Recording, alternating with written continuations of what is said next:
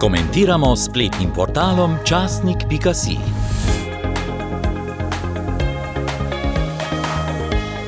Danes bomo prebrali komentar, ki ga je na spletnem portalu časnik.si napisal Franci Kindelhofer, nosi pa naslov Ministrica Vrečko: Nikoli ni prepozno priznati zmote. Takole je zapisal v svojem razmišljanju. Studio Radio Slovenija. Poteka debata o referendumu o novem predlogu zakona o RTV Slovenija. Eno vrsto pred menoj sedi ministrica za kulturo, dr. Asta Vrečko. Ko pride na vrsto, omeni tudi, da je sedanji direktor RTV-ja Uroš Urbanija v vlogi direktorja vladnega urada za komunikacije UKOM skoraj uničil STA.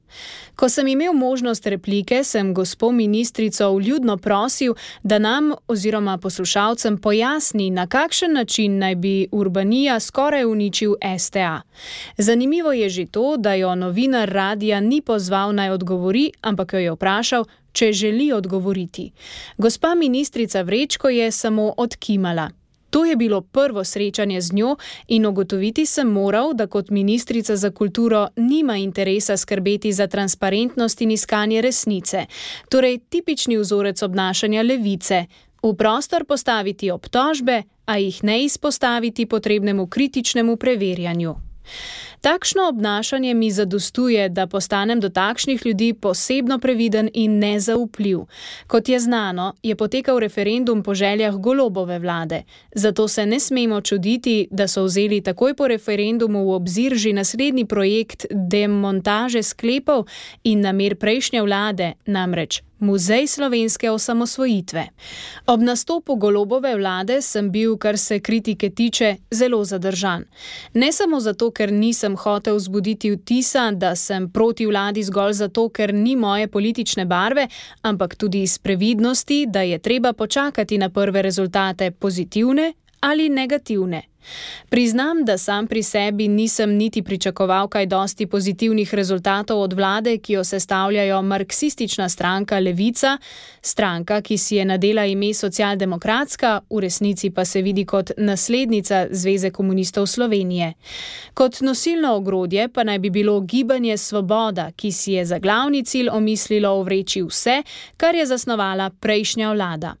Vse se je pričelo graditi na obljubah in bodočih uspešnih reformah v vseh vejah državnega upravljanja.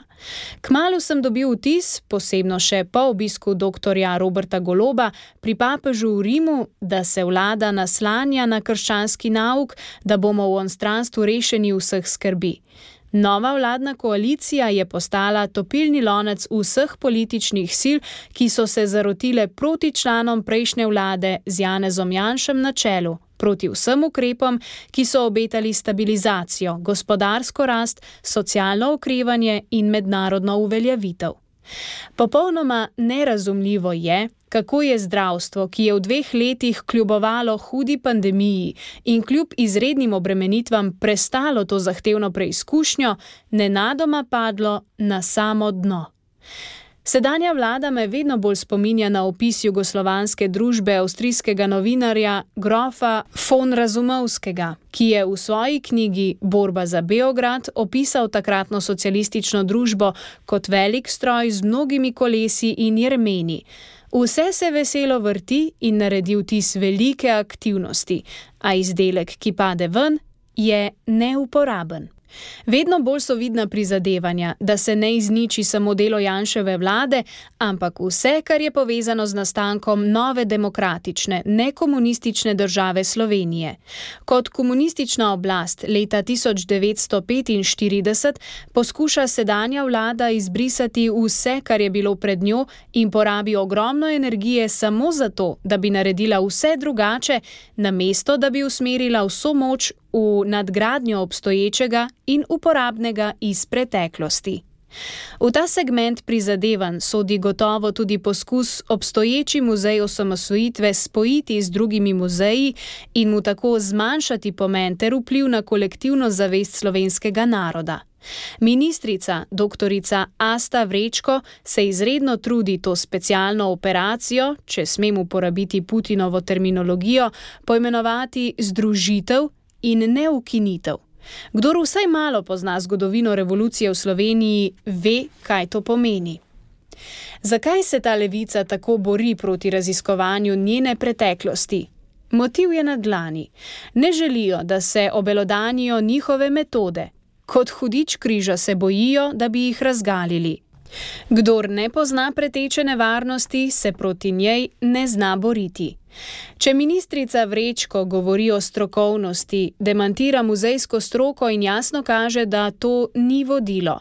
Prva tako ne gre za demokratično politično odločitev neke vlade, ampak jo vidijo ideološki in svetovno-nazorski cilji izven parlamentarne politike.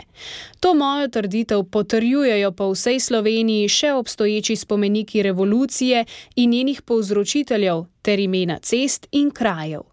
To ni samo dokaz privrženosti določenemu svetovnemu nazoru, ampak tudi ignoranci do nedolžnih žrtev, ki morajo še v osvobojeni Sloveniji dnevno hoditi mimo svojih mučiteljev in ubijalcev, njihovih svojcev, ter stanovati v ulicah, ki nosijo imena zločincev in zločinskih organizacij. V Narodni galeriji so razstavljeni oropani eksponati, torej že brez muzeja slovenske osamosvojitve bi bilo za ministrico Vrečko dovolj dela.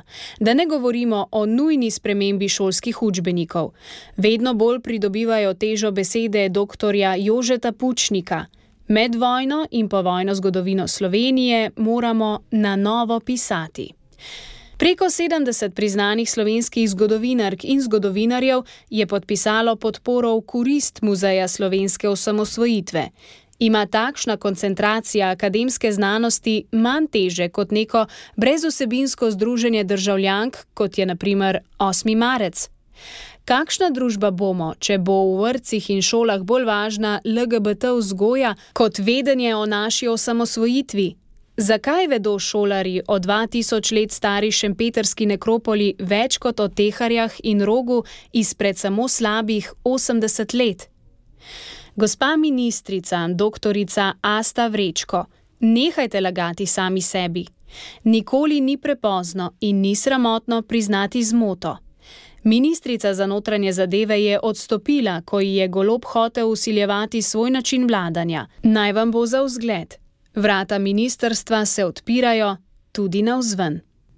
Je v komentarju, ki si ga lahko preberete na spletnem portalu častnik.si, zapisal Franci Kindelhofer.